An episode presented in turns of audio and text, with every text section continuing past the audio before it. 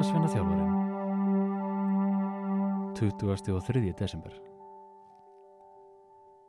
Ef þú sér stjörnurhap máttu óska þér og óskin rætist segði Hallur og reyndi að hljóma sannfærandi þó hann hefði reyndi að sér stjörnurhap áður við ömmubæi og væri ennþá að býða eftir að óskin rætist Og sér þú þarna? segði Lóa Þetta er Karlsvagnin að stjörnumerki þessa fjóra stjörnu þarna og svo koma þrjár út þannig hæra megin. Eins og vagn.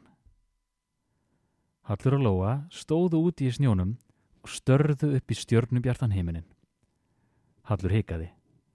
Þarna, þarna sjáðu sagði Lóa og bendi upp. Já, þarna.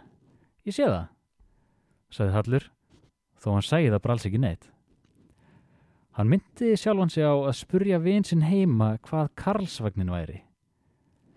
Þessi vinur átti bók um geimin. Þau heyrðu fótatakk í snjónum fyrir aftan sig. Afi gekk til þeirra í hægðum sínum. Hann hafði heyrt á tal þeirra og var staðnandi stillið þeirra. Ég man þegar þessi varð til, sagðan og bendi beintu upp í heiminin. Ég man það eins og það hefði gerst í fyrradag. Afi hristi höfuð. Þegar maður er orðin svona gammal eins og ég, líður tímin einhvern veginn bæði hægt og hratt.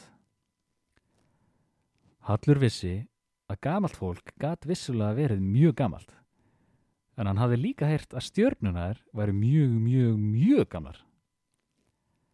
Hvað ert eiginlega gamall afi? Afa fjallust hendur.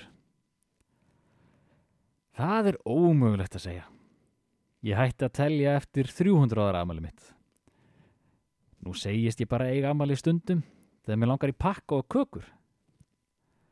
Afi horfið dreymin út í loftið eins og hann væri að sjá fyrir sér krásinnar.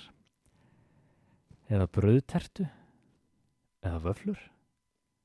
Eða pönsur. Afi rangaði sér og resti sig. Já, heyrðu, það er líklega best að við förum að haska okkur heim til hennar ömmuðinar. Kanski ég segist bara eiga amal á morgun. Ég er orðin eitthvað svo svangur allt í hennu. Lóa mín, getur þú tekið við? Ég kem kannski eftir eftir nokkur ár.